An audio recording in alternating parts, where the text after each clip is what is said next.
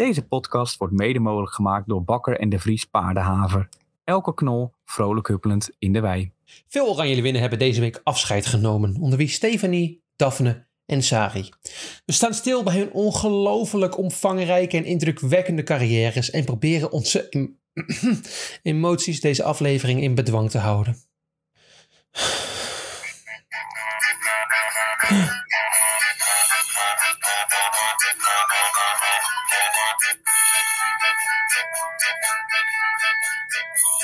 Pinguïns zien.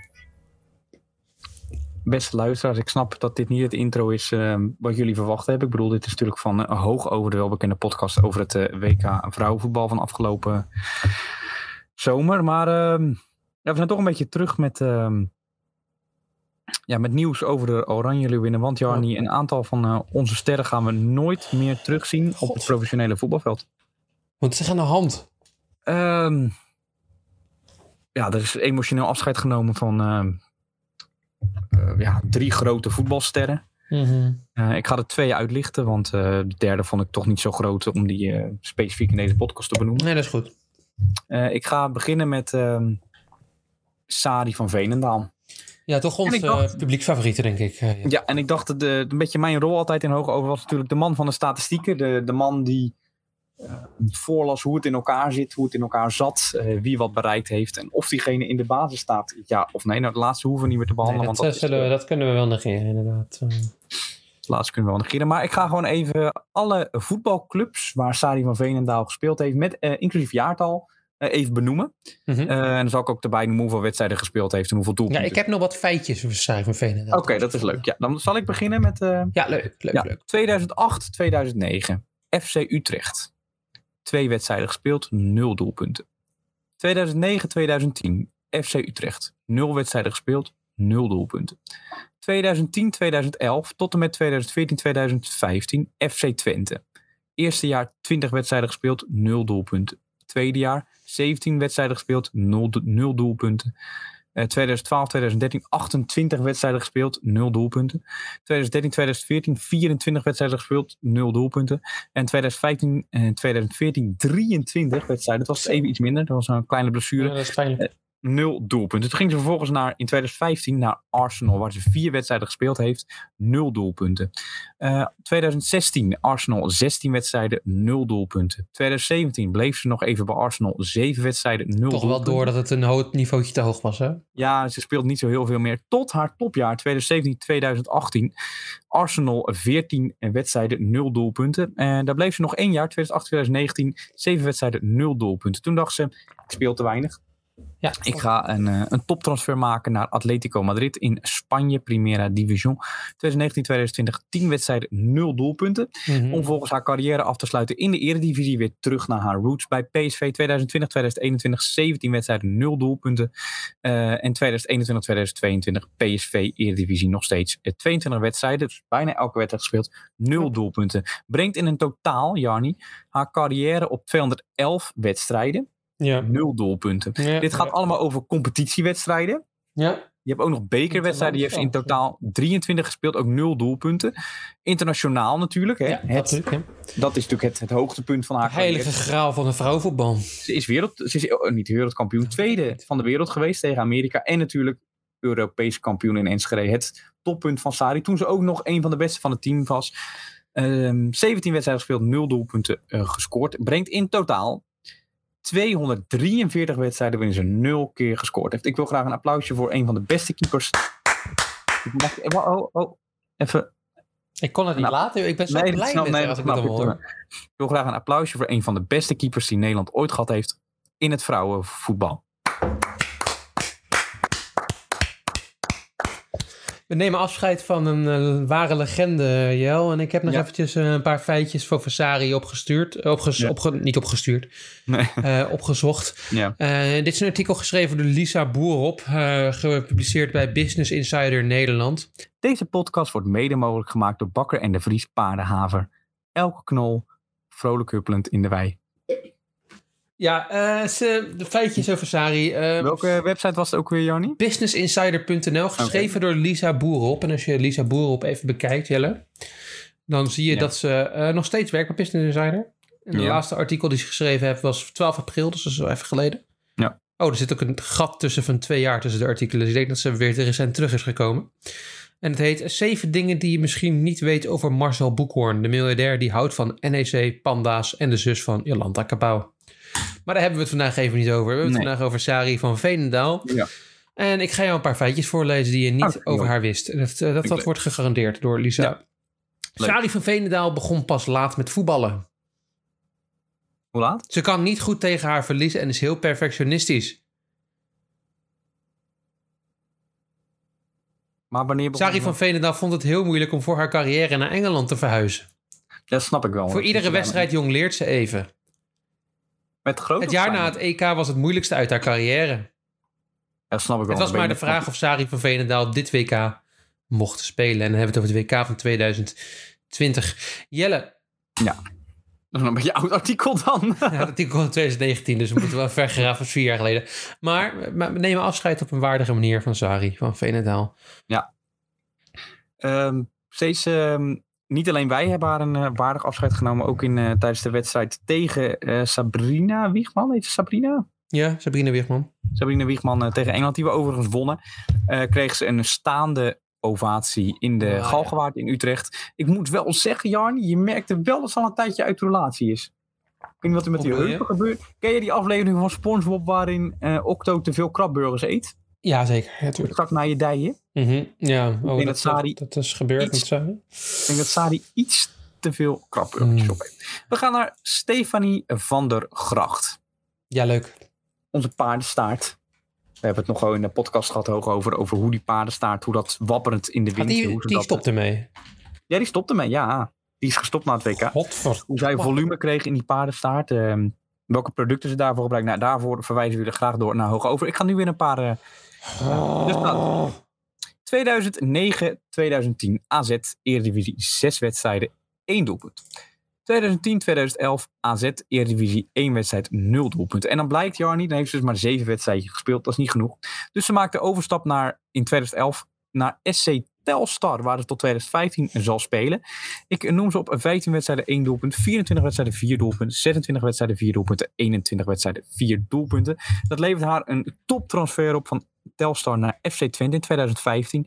21 wedstrijden, 2 doelpunten. Vervolgens, omdat ze het daar ook zo goed gedaan heeft, Bayern München. De topploeg uit Duitsland. Slechts 9 wedstrijden gespeeld in 2016, 2017. 0 doelpunten. Daarom gaat ze ze toch weer een stapje terug. Eerlijk is eerlijk naar Ajax. Vooral ehm, ontwikkelingen nu zal dat een flinke stap terug zijn. Eh 20, doel, 20 wedstrijden, 3 doelpunten.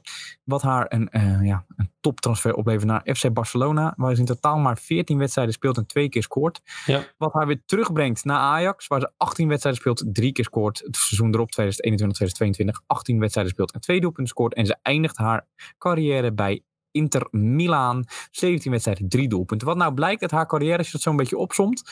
Matige ploeg, topploeg, matige ploeg, topploeg, matige ploeg, topploeg. Redelijke ploeg. Ja, steeds dat is toch een mooie, Eigenlijk is het niet-. Ja, ze is niet goed genoeg voor de top. Maar ja, is natuurlijk wel wereldkampioen geworden. Eh, zeg ik weer niet goed. Sorry.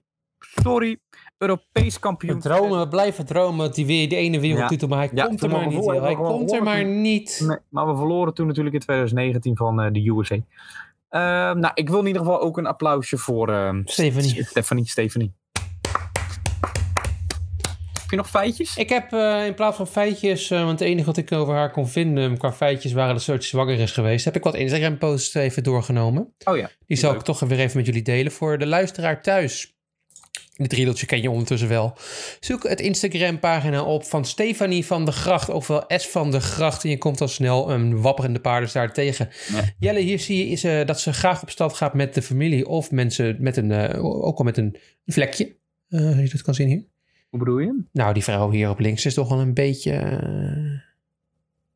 We gaan naar de volgende foto. Jelle. Ja. Ze heeft ook huisdieren. Ach, ik zie een baby. Ja, leuk hè? Ja. Sky? Ja, baby heet Sky en is geboren op 14 april 2023. Je ziet ook dat mensen posten. Jill Ward plaatst hartjes. En Lieke Martens ook. Als een man dit had gedaan, was het een rare opmerking. Maar waarom een blauw hartje van haar? Want is, is het een jongetje dan? Sky? Dat denk ik. Ik kan het niet zien. Eh, Nee, bovenste nee, dat- van het lichaam is alleen maar gefotografeerd. Ja, nee, dat is een andere foto moeten delen. Hier zien we dat ze ook graag met kinderen gooit. Oh, dat vind ik... Oeh. Als een man dit inderdaad doet, hij een bedelul. Ja. Blijf het zeggen over Stephanie van der Gracht. Een graag gebruiker van positief seksisme. Ze is nog een keer zwanger. Kijk. En dan denk je, wie pompt er zoveel baby's in haar, Jelle? Oh, ze, nog even een foto tussendoor trouwens, op die, tot ik op die vraag beantwoord. Ze voetbalt ook graag in duingebied. Dit is beschermd natuurgebied. Dit mag niet. Nee, dit is, dit is ook heel droog hier. Dus levensgevaarlijk. Gevaarlijk. Er kan ook een bom liggen, hè, zomaar trouwens. Dat kan ook, ja. Ja. Je denkt, is dit hem dan? De man die haar vaak zwanger maakt? Nee, dat is Ron Vlaar. Ja, dat zie je meteen. Ja, ze gaan nu aan de slag bij AZ, toch? Of niet? Ja, nou, ze zijn samen ambassadeurs voor Cavo, Cava, Napoli. Ofwel, Jelle, een modemerk. Aha. Ja, je- als je Ron Vlaar als uh, mode Ik zal haar, ja, ja, maar ik zal haar ook niet vragen voor je Het modemerk. zijn beiden een beetje... eh, ja, Tenzij je atypisch. haarproductjes. Tenzij je haar eh, Ja, dan, productjes dan moet je Ron Vlaar En Jan is Ja. ook gevraagd voor Bakker en de Vries paardenhaver. Elke knol vrolijk huppelend in de wei. Ik heb het antwoord op wie haar zo vaak zwanger heeft gemaakt. Zeg het eens. Het is een vrouw. Die lijkt heel jong. Ja. Zo lijkt dat. eh, dit is ook al een foto uit 2020. eh, Wie is de vader dan? Dat weet niemand. Ron Vlaar? Ik denk Ron Vlaar. Ik denk Ron. Ja, ik vind het een... eh, Oh mijn hemel. Nou, de website geval- eh, Vriendin trouwens, daar kan je nog weer leuke weetjes over haar vinden, waar die Instagram post vandaan hebt. En ja, je ziet toch echt wel eh, leuke foto's. Dus eh, voor mensen, kijk, pantenprintje aan het kindje gegeven. Het is hartstikke leuk. Dat is hartstikke leuk. Nou, in ieder geval... ehm, We gaan ook afscheid nemen van Stephanie helaas, maar het is ja, we hebben van jullie allebei genoten. Ehm, jullie komen uiteraard nog eens een keer terug in onze podcast, maar Oh, niet meer op het spel. Namens de hele redactie, Ja, bedankt. bedankt. Deze podcast wordt mede mogelijk gemaakt door Bakker en de Vries Paardenhaver. Elke knol vrolijk huppelend in de wei. Kort nieuws? Kort nieuws.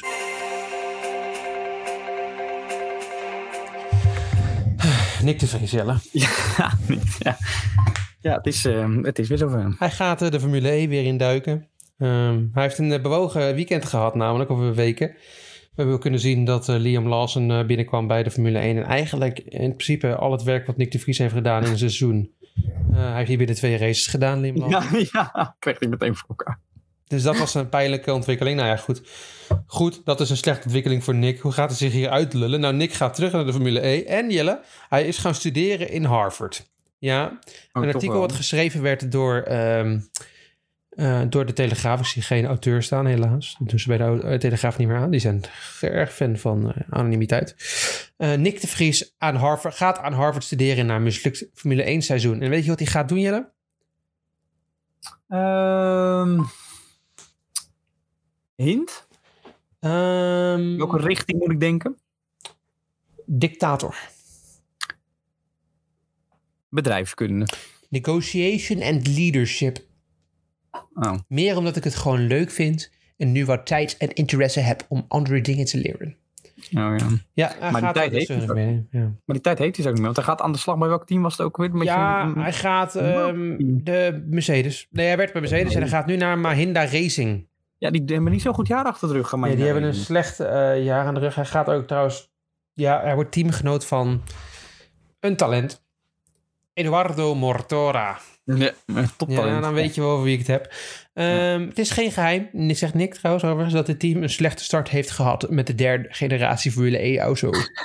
maar er waren ook positieve signalen in de tweede seizoenshelft. Ik denk dat we daarop verder kunnen bouwen, zegt Nick de Vries. Dus eh, hij heeft er vertrouwen in. Ik vind het altijd zulk gelul om te zeggen dat er ook eh, vertrou- eh, het vertrouwen getankt kan worden uit een tweede seizoen. Ik vind het geweldig om aan zo'n bedrijf als Mahindra gekoppeld te worden. Ja. Nou, het is gewoon een matig team voor een, een nog matigere coureur. Dan gaan we door naar onze, ons afscheidsrondje. En toen ik dit nieuwsbericht ontvang, eh, die, kreeg ik, die kreeg ik van onze hoofdredacteur Freek, kreeg ik dit eh, op mijn bureau geschoven. Ik zei tegen hem, maar dit is, dit is geen nieuws. Dit is al maanden geleden zo gebeurd. Ik heb haar al zien zitten als eh, analist Ja. bij de NOS. Ik heb haar al meningen zien geven. We waren een beetje op de feiten vooruit. En het, eh, Ja, een beetje op het feit vooruit. Want het is pas officieel nu dat Daphne Schippers is gestopt met hardlopen, Jarni. En ja, daar wilde ik toch even bij stilstaan. Ehm meervoudig wereldkampioen. Sterker nog, twee keer op de 200 meter. Eh, ze is ook Europees kampioen op de 200 meter. twee keer Europees kampioen op de 100 meter.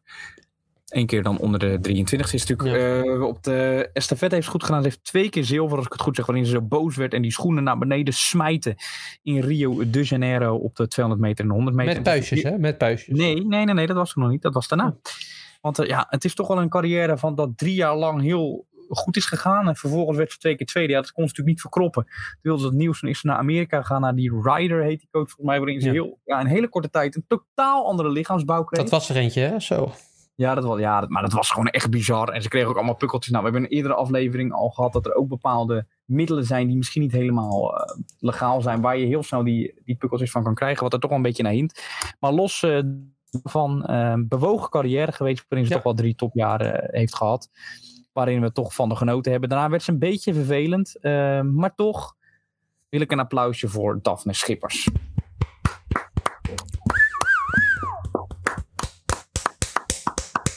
Deze podcast wordt mede mogelijk gemaakt door Bakker en de Vries Paardenhaver. Elke knol vrolijk huppelend in de wei. Jelle, we waren afgelopen week in het prachtige. Nampo. En eh, hoe dat daar aan de gang was, een tennistournament in. Nampo. Aratska Russen speelde daar en... Ja, dat Dampo is wel een mooie stad, hè? Prachtig. ehm, ook op de tennissen. Hardcourt. Ja. Aranska Russen eh, specialiteit. Ze had al sinds ehm, februari 2022 geen match meer op eh hardcourt gewonnen. Oh, is dat, is dat zo erg? Ja, het is zo erg. Oké. En ehm dus trok ze in eh, Nangbo de Rus, Russin Kamila, oh, de, sorry, excuses, Kamila, Kamila Rozimova.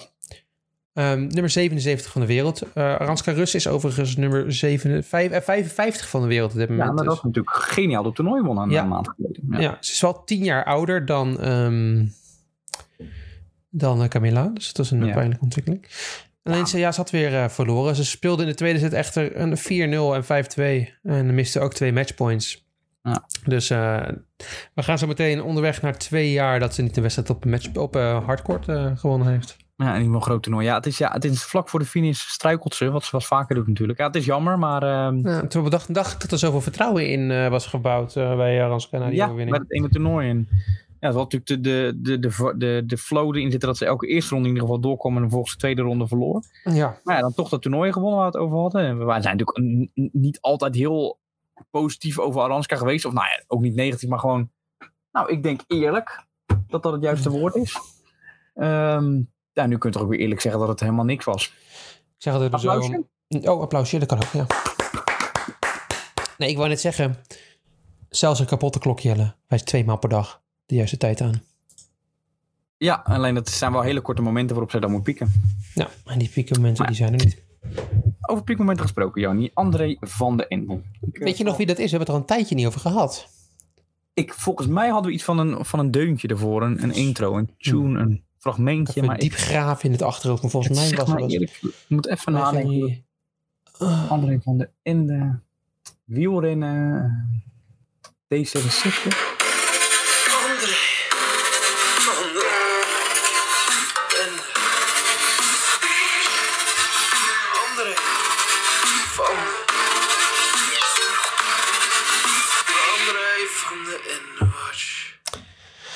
Dat was hem, André van de Ende. Nu weet ik het weer. Ik eh, koppel deze André van den Watch even aan iets groters. Ik was afgelopen week op eh, reportage ik zeg zo. voor de Spaakzame redactie bij het EK wielrennen in Assen. Dat is ook zo, ja. Dat is ook, ja. Jij hebt genoten van de vele goede muzieknummers en de Zeker. leuke fans, eh, stuurde jij naar mij. Ik eh, was daar met veel plezier. Ik woon in Assen, dus ik, ik liep eventjes met mijn papi en mammy.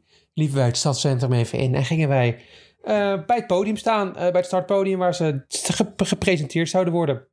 En de muziek eh, die ging er op een gegeven moment aan. Het was kwart over tien. ehm, moment dat, er, eh, dat, dat het live zou moeten gaan. Eh, begon zich al een kleine menigte te voren. Wij stonden wa- daardoor heel erg vooraan dat we zo vroeg waren. Alleen eh, blijkbaar werd het verzet tot kwart over twaalf, eh, kwart over elf. Dus we waren toch wat later begonnen met Ja. het hele feest. Ik heb iedereen gepresenteerd zien worden. Elke ploeg begonnen met IJsland. De presentator had een mentaal probleem, waardoor hij alles schreeuwde, alles sliste ook heel erg. Alle namen verkeerd uitsprak. En vervolgens bij elke, elke land wat een stereotype had, sprong hij er volop.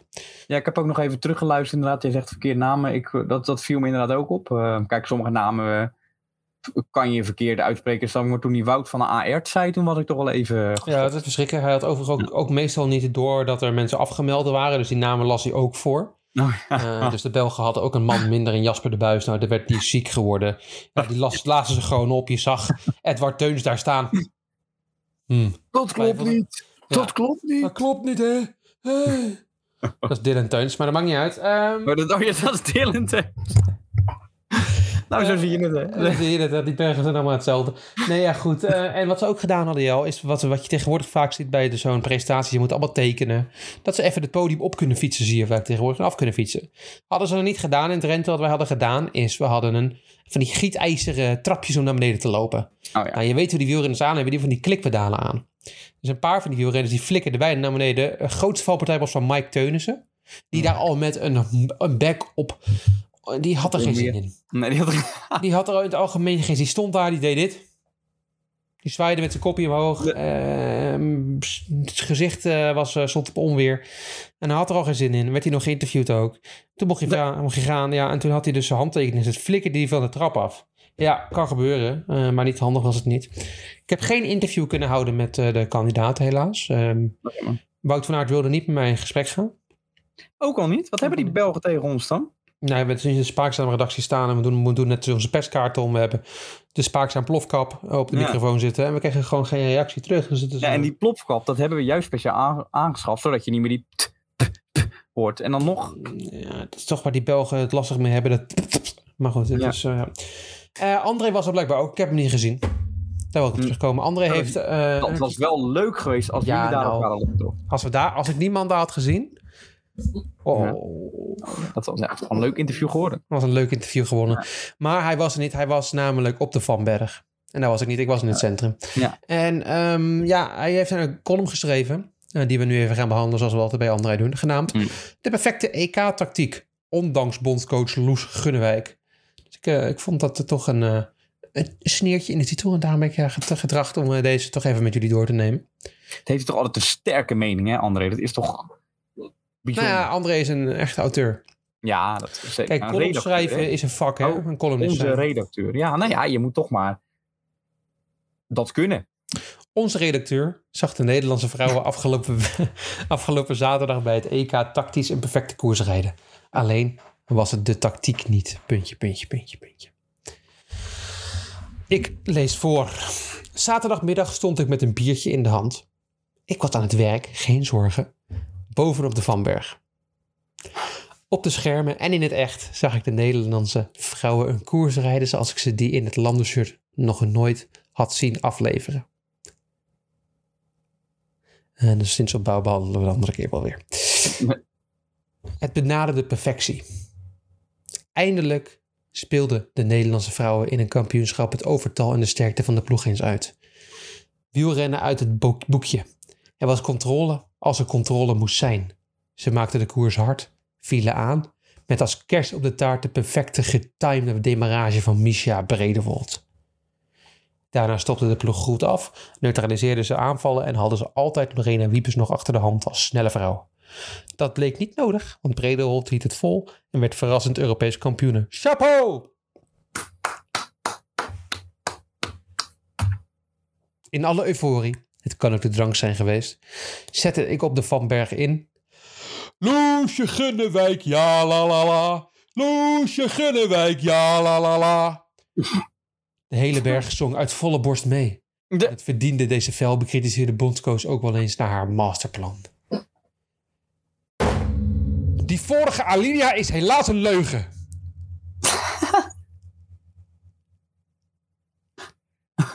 In werkelijkheid stond ik na de koers bij het podium en zag ik daarnaast een breed lachende Bredewold en wat bedomd kijkende Lorena Wiebe staan. Hoe zat dat? Ze was tweede geworden, maar een landgenoot won. Dat is toch ook geen reden voor zo'n oorwormgezicht? Ik keek eens op mijn telefoon en zag dat het allemaal, al- dat het allemaal bonje was in het Nederlandse kamp. Die perfecte tactiek bleek niet de tactiek te zijn geweest. Wiebert keek zo boos omdat de afspraak was dat de Nederlandse ploeg in de laatste ronde, 13,7 kilometer, niet meer zou aanvallen. Bredewold viel aan op zo'n 10 kilometer van de streep. En dus was die afspraak gevonden. Ja, eh, ik skip weer even wat, want het is nog best lang. Ehm, Ja. We gaan naar de laatste paar linia's. Kijk, als er niet solo was weggereden, had Bredewold onmiddellijk de benen stil moeten houden. Maar solo. Solo heb je altijd de meeste kans op te winnen. Je kan pas winnen als je op kop rijdt. Sterke citaat, want we gaan nu iets aanhalen wat alle communisten, columnisten, communisten ook, een keertje gedaan hebben in een carrière. Zou Cruijff zeggen. Een Cruijff-analyse. In een sprint blijft het afwachten. Wiebes is razendsnel, maar gegarandeerd is een overwinning niet. Zeker niet met Lotte Kopecky aan boord. Zeker niet op een aankomst op een vuilnisberg. Het is sneu voor Wiebes. Maar op, het, op een niet vlak parcours moet je als oppermachtige ploeg, want dat is Nederland, altijd als premier doel hebben om met iemand solo over de streep te komen. Enkel solo naar de meet rijden, gegarandeerd winst. Toonde ik al eerder op Cruyffiaanse wijze aan. Oh, maar echt gelul. Dat Loes Gunnewijk dat niet ziet jellen, disqualificeert haar eens te meer als bondscoach. Nederland reed zaterdag tactisch de perfecte koers, ondanks onze bondscoach. Dat zouden ze bij de KMU toch echt aan het denken moeten zitten. Jelle, ik heb nog nooit zo'n sterke mening gezien van André van den. Ik heb, een, ik heb een beetje het vermoeden, maar Mm. correct me if I'm wrong, dat hij niet zo'n fan is van eh Loesje Groeneweg. Ik eh, denk dat we Denk ik, hoor. zitten. Maar hij heeft wel een liedje voor de bedacht, maar dat was dus een leugen. Dus Dat was, ja, dat was een leugen. Dat heb je daarna kunnen lezen. Ja, Nou, ik moet wel zeggen, het was hectisch, hè? Het was Ja. een hele hectische een koers. hele hectische koers. Ik zat te kijken op de NOS eh, met, eh, ja, met niemand minder dan eh, voor mij Herbert Dijkstra. Oh, leuk. En natuurlijk, en natuurlijk Roxane Kneteman, die in totale Ah. paniek waren toen iemand uit, nou wat was het, IJsland, Letland en Denemarken wegreden. Ja, Met de drietjes, die reden op een gegeven moment eh, 25 seconden voor het peloton. Nou, die waren in paniek. ja, het is vooruit. Die moet je meteen terughalen, die drie. van, ja. En het, het, het- het gat is zo groot, nou ze moesten nog 60 kilometer of zo. Het sloeg echt helemaal nergens. vermogen van Roxanne Kneteman bewijzen Ja, maar eens. het sloeg echt nergens op. En ja, ver- vervolgens heb ik gewoon een hele leuke winnares gezien die Ja, een Europees kampioenschap wint. Wat zeg nou zelf niet de grootste prijs is. Als Viepers echt boos was, dan mag ze zichzelf kapot schamen. Want joh, dit is nou uitgerekend zo'n koers die je aan iemand zoals... ehm hoe heet ze ook weer die gewonnen heeft? Want ik ken haar niet. Ehm eh, Misha Bredewold. Misha Bredewold. Dat je dat haar gewoon moet gunnen. En dan is Wiebes nog tweede geworden. joh. Toch een mooie koers, zo'n leuke uitslag. Leuk voor dat meisje. Geniet er lekker van. Maar ik vraag me af of wat André zegt of dat wel waar is. hè, Want hij was dan wel aan het werk, maar had wel een biertje. Dat zeker. Ik ben, je bent altijd aan het werk als je bij dit soort dingen bent. En ik wil eh, nog één ding eh, zeggen om deze podcast af te, af te, af te ronden, Jelle, over, eh, Ja. over Lorena Wiebes. Ja. Eh, en haar grote ego. Daarop Ja. zeg ik, Lorena wie? Tot volgende week. Deze podcast wordt mede mogelijk gemaakt door Bakker en de Vries Paardenhaver. Elke knol vrolijk huppelend in de wei.